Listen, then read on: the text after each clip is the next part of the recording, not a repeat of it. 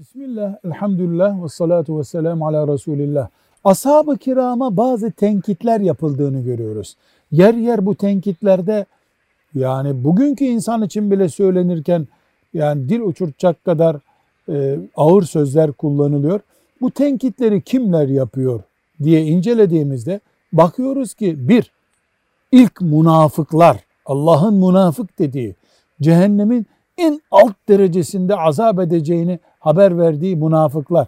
İki, hariciler yani Ali bin Ebi Talip radıyallahu anha kılıç kaldıranlar, ashab-ı kirama kılıç kaldıran Müslümanlıkta iyi olduklarını zannederler. Üçüncüsü Şiiler.